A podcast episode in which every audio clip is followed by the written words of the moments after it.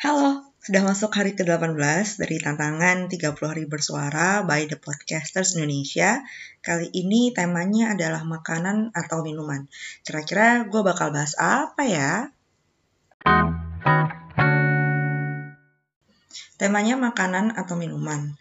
Tadi sih gue sempat kepikiran untuk bahas buku-buku yang menggunakan tema-tema atau judul-judul makanan atau minuman. Yang paling gampang adalah novelnya Mbak Laksmi Pamuncak, judulnya Aruna dan Lidahnya.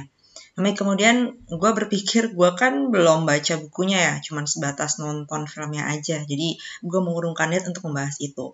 Lalu gue sempat scroll-scroll Goodreads gue dan menemukan ternyata gue sempat baca buku-buku yang tadi itu judulnya atau temanya menggunakan nama makanan. Seperti I Want to Die But I Want to Eat Tteokbokki, karangan dari Baek Sihi yang terjemahkan oleh penerbit Haru di tahun 2019 Kemudian ada Nona Teh dan Tuan Kopi dari tulisannya Kurt Stroya, terbit tahun 2017. Dan juga ada perjamuan kongguannya Joko Pinurbo yang diterbitkan tahun 2020 gue sempat kebayang apakah gue akan membahas buku tersebut langsung tiga-tiganya atau gue milih salah satu yang menurut gue yang paling berkesan. Lalu kemudian akhirnya gue berpikir, ah, ntar dulu deh, kalau gitu kayak gue mau membahas soal Kenapa sih gue lebih suka baca di kedai kopi? Nah, um, sebelum pandemi, gue suka sekali mengalokasikan waktu untuk baca buku di kedai kopi. Kedai kopi ini gak harus yang mahal, gak harus yang fancy kayak Starbucks, Excelso, Jeko, kayak gitu-gitu sih. Gue kadang juga suka nyari kedai kopi yang aksesnya mudah dijangkau oleh public transportation. Maksudnya gini, semisal gue turun dari MRT, dari halte busway, atau dari KRL, ya gue nggak perlu jauh-jauh jalan kakinya. Jadi misal kayak di MRT Blok A, nah sekitar MRT Blok A itu banyak banget kedai kopi, kedai kopi lucu yang kecil-kecil, yang kayak berapa petak doang, tapi cozy, menunya enak, harganya masih ramah kantong, dan itu bisa gue pakai tempatnya untuk baca buku. Atau misal kalau gue di KRL, um, misalkan kalau tahu ya beberapa itu kayak deket di stasiun Sudirman, itu ada juga kedai kopi yang kecil tapi nyaman untuk baca buku. Di dekat halte busway pun beberapa banyak. Kalau untuk hal itu silahkan teman-teman main ke account dari halte ke halte, bisa cek di Instagram atau di Twitter mereka. Biasanya mereka punya rekomendasi-rekomendasi tempat-tempat yang enak oke okay buat nongkrong dan lokasinya bisa dijangkau dengan public transportation. Ya, kenapa gue selalu memikirkan itu karena ya balik lagi gue nggak nggak bawa kendaraan ke Jakarta, jadinya gue bertumpu pada public transportation. Kalau naik Gojek, kerasa banget boncos ya itu pasti bakal ongkos gue bakal pasti bakal habis-habisan banget. Nah, membaca buku di kedai kopi ini kayaknya udah menjadi sebuah kebiasaan gue sejak gue masih di Surabaya. Suasananya tuh menyenangkan Uh, tapi harus diperhatikan bahwa tidak terlalu ramai, tidak terlalu bising, dan lampunya atau pencahayaannya tidak terlalu redup. Barangkali beberapa teman-teman sadar ada kedai kopi kedai kopi yang memang ditatanya menggunakan uh, lampu-lampu uh, yang warnanya kuning. Kuningnya tuh yang redup-redup gimana gitu. Gue nggak tahu apakah itu menimbulkan kesan romantis atau memang ada maksud tertentu. Tapi ada juga yang menggunakan walaupun warnanya nggak putih tapi kuning gitu ya, tapi tetap nyaman aja. Lalu kemudian untuk keramai, tentunya karena gue orangnya lebih menyenangi untuk baca buku di tempat yang sepi, meskipun gue pakai earplug, gue nyalain musik gitu, tapi tetap aja merasa aneh kalau gue berada di tempat yang ramai. Jadinya malah nggak konsen, malah ngeliatin orang, malah jadinya perhatikan orang, apa sih yang orang ini omongin sampai harus ngomongnya keras gitu. Atau ketika bising itu, sorry to say, uh, ada sekeluarga bawa anak-anaknya, kemudian anaknya ribut gitu ya. Jadi ya gue kayak ngerasa, aduh gue gak bisa baca buku di situ itu cukup berpengaruh. Masalah bising ini kadang malah dipengaruhi atau disebabkan dari playlist dari kedai kopi yang kadang volumenya terlalu kencang buat ukuran gua gitu ya. Jadi uh, oke okay lah lagunya misalkan uh, melo-melo yang ada di Spotify gitu, uh, playlist di kedai kopi gitu ya atau playlist sore hari. Tapi ternyata volumenya terlalu kencang, jadinya gua gua nggak nyaman, gua jadi nggak fokus sama uh, baca bukunya.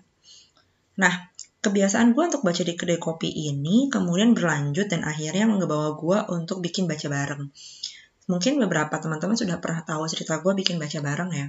Nah, pertama karena waktu itu gue diputusin, gue nggak punya teman untuk baca buku di kedai kopi. Lalu kedua, uh, gue merasa jengah aja ngeliat teman-teman kenapa sih hobi banget mendiskriminasi atau judging orang hanya karena selera bacaannya, format bacaannya, cara membacanya berbeda dengan dia. So I met one dan ketika baca bareng itu dibuat dari Agustus 2019 sampai Februari 2020, gue selalu mencoba untuk explore kedai kopi atau tempat nongkrong yang sepi yang ramah dengan pembaca, yang tadi itu lampunya nggak terlalu gelap, nggak terlalu terang, terus suaranya nggak terlalu bising, dan pastinya ramah kantong juga bisa dijangkau dengan public transportation. Kebiasaan itu um, cukup membantu gua untuk menemukan teman ya tadi dari kedai kopi baca buku karena biasanya nggak um, semua kedai kopi itu menyediakan meja yang panjang kayak di Starbucks mungkin teman-teman ada yang tahu kalau Starbucks itu biasanya tengah-tengahnya ada meja panjang yang apa ya bisa uh, bisa dipakai rame-rame kayak communal space gitu. Gua rasa nggak semua kedai kopi punya itu.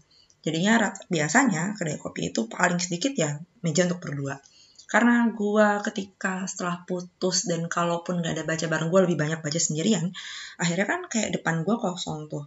Gue pernah tuh di suatu kedai kopi, uh, eh, gue duduk, gue baca buku, terus ada mbak-mbak gitu datang dan bilang, maaf mbak, uh, ada yang nempatin? Terus saya bilang oh nggak ada nggak ada silahkan kalau mau diambil. Gue pikir dia bakal ngambil kursinya untuk uh, duduk dengan uh, apa ya gengnya dia temennya dia. Enggak ternyata dia duduk juga tapi dia nggak ngapa-ngapain. Maksud gue tidak mengganggu gue bukan bukan bukan main handphone. Tapi dia langsung ngeluarin buku dan dia baca. Terus kayak oh I guess this is what we call that. Kami sedang baca bareng tapi kebetulan dua-duanya sama-sama asing.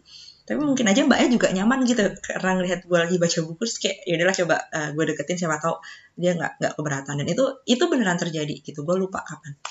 And then pandemic happens kebiasaan gue itu harus tertunda gue sempat ingat setelah gue resign dari pekerjaan yang terakhir di kantor konsultan uh, gue resign, gue pulang ke Surabaya dan itu berbarengan dengan adanya PSBB di berbagai macam uh, kota termasuk di Surabaya. Akhirnya gue nggak bisa tuh baca buku di kedai kopi gue betah-betahin baca buku di rumah. Kenapa gue nggak terlalu suka baca buku di rumah? Pertama rumah gue banyak kucingnya. Jadi instead of um, focusing on what I'm reading gue pasti akan main dengan kucing-kucing gue gitu wok wok perutnya dan lucu banget lah pokoknya bisa gangguin kucing. Yang kedua gue sering kali ngerasa nggak enak gue uh, baca buku meanwhile ngelihat adik gue lagi apa namanya ngerapiin barang-barangnya atau ngelihat nyokap gue lagi misalkan lagi masak gitu ya.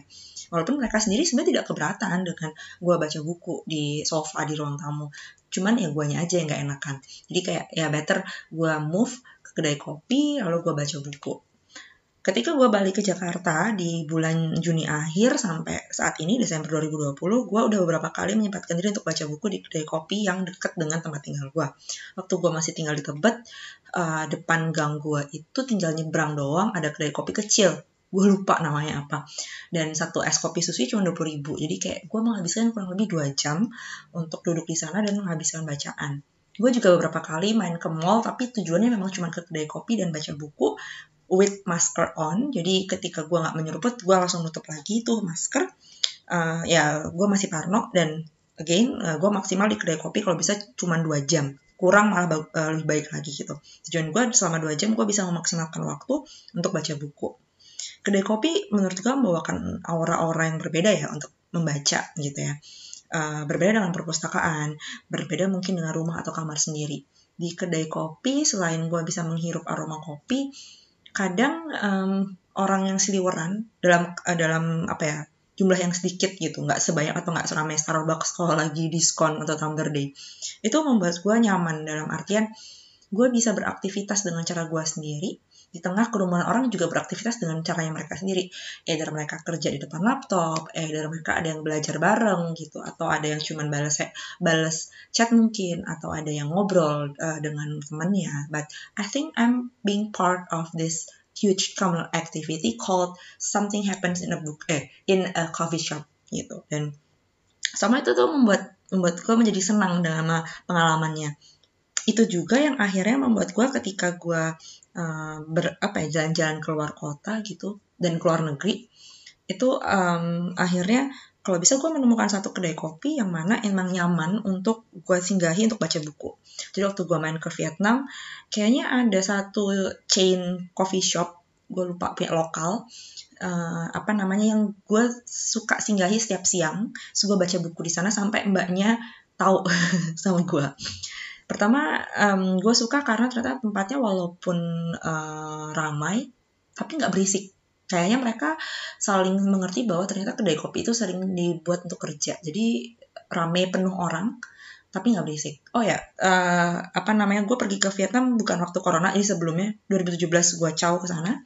Lalu waktu gue main keliling ASEAN, itu gue sempet kayaknya gue sempet uh, menyendiri untuk uh, baca buku lalu waktu gue ke Bali ke beberapa kota-kota besar yang ada kedai kopinya gue menyempatkan diri untuk minggir uh, melipir gitu ya dan beneran cuma baca buku aja gitu. Menghabiskan waktu di kedai kopinya. Ya gue nggak peduli amat sama orang-orang yang bilang ngapain lo pergi jauh-jauh ke luar negeri atau pergi jauh-jauh dari Jakarta dari Surabaya? Tapi end up lo malah uh, menghabiskan waktu di kedai kopi lokal lalu baca buku. I think itu juga satu experience yang gue cari ketika gue traveling. Makanya lebih enak gue selalu traveling sih. Kayak mm, gue gak harus gak harus mikirin orang lain kan. Yang penting adalah gue fulfill diri gue sendiri. Menurut gue ketika gue pergi dari Jakarta dari Surabaya ke tempat yang baru atau ke luar kota gitu untuk luar negeri selain kepala gue wandering wandering melalui bacaan badan gue juga mengeksplorasi hal baru yaitu pengalaman membaca di tempat yang bener-bener baru. Itu kan menjadi kayak double experience that I got ya. Jadinya menyenangkan sekali untuk bisa untuk bisa mengalami uh, keadaan seperti itu. Dan ya hopefully ketika kita sudah mendapatkan vaksin juga nggak tahu ya vaksin yang beneran nantinya bakal gimana but hopefully ketika semua sudah terkendali manusia sudah bisa berkumpul tanpa harus merasa cemas manusia sudah bisa keluar rumah dengan rasa aman dan confidence enough that uh, they are strong uh, untuk menghadapi virus-virus atau pandemi ini ya gue berharap gue bisa balik lagi ke kedai kopi terserah mau ke mana tanpa harus merasa melihat wah ini terlalu penuh gitu. Kayaknya gue nggak bisa ke sana. Walaupun mereka ngomong kapasitas kalian masih bisa kok mbak untuk dan in tapi kalau dilihat dari kaca itu kayak wow rame banget kayak nggak bisa gitu. Ya semoga gue nggak harus mengalami hal itu ya. Dan ya juga gue berharap baca bareng bisa balik offline bisa balik ke kedai kopi kedai kopi lokal sambil kita lihat-lihat eksplorasi sambil mendukung bisnis bisnis lokal juga tuh. So I think yeah, that's part of uh, my reading journey is to explore the coffee shop, the local coffee shop, and read there and experiences uh, yang bisa membuat gue menjadi senang dengan membaca dan lahirlah baca bareng. So that's it dari episode ke-18 saya Bowdits Podcast season kedua bagian dari tantangan 30 hari bersuara by The Podcasters Indonesia. Bye!